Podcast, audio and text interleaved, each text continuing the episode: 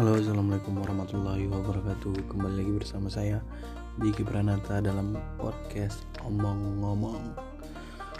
Oke guys jadi dalam podcast kali ini Kita berbicara tentang spesial horror. Nah berhubungan ini malam Jumat Jadi tema kali ini pas dengan uh, Malam yang diidentifikasikan sebagai malam yang angker.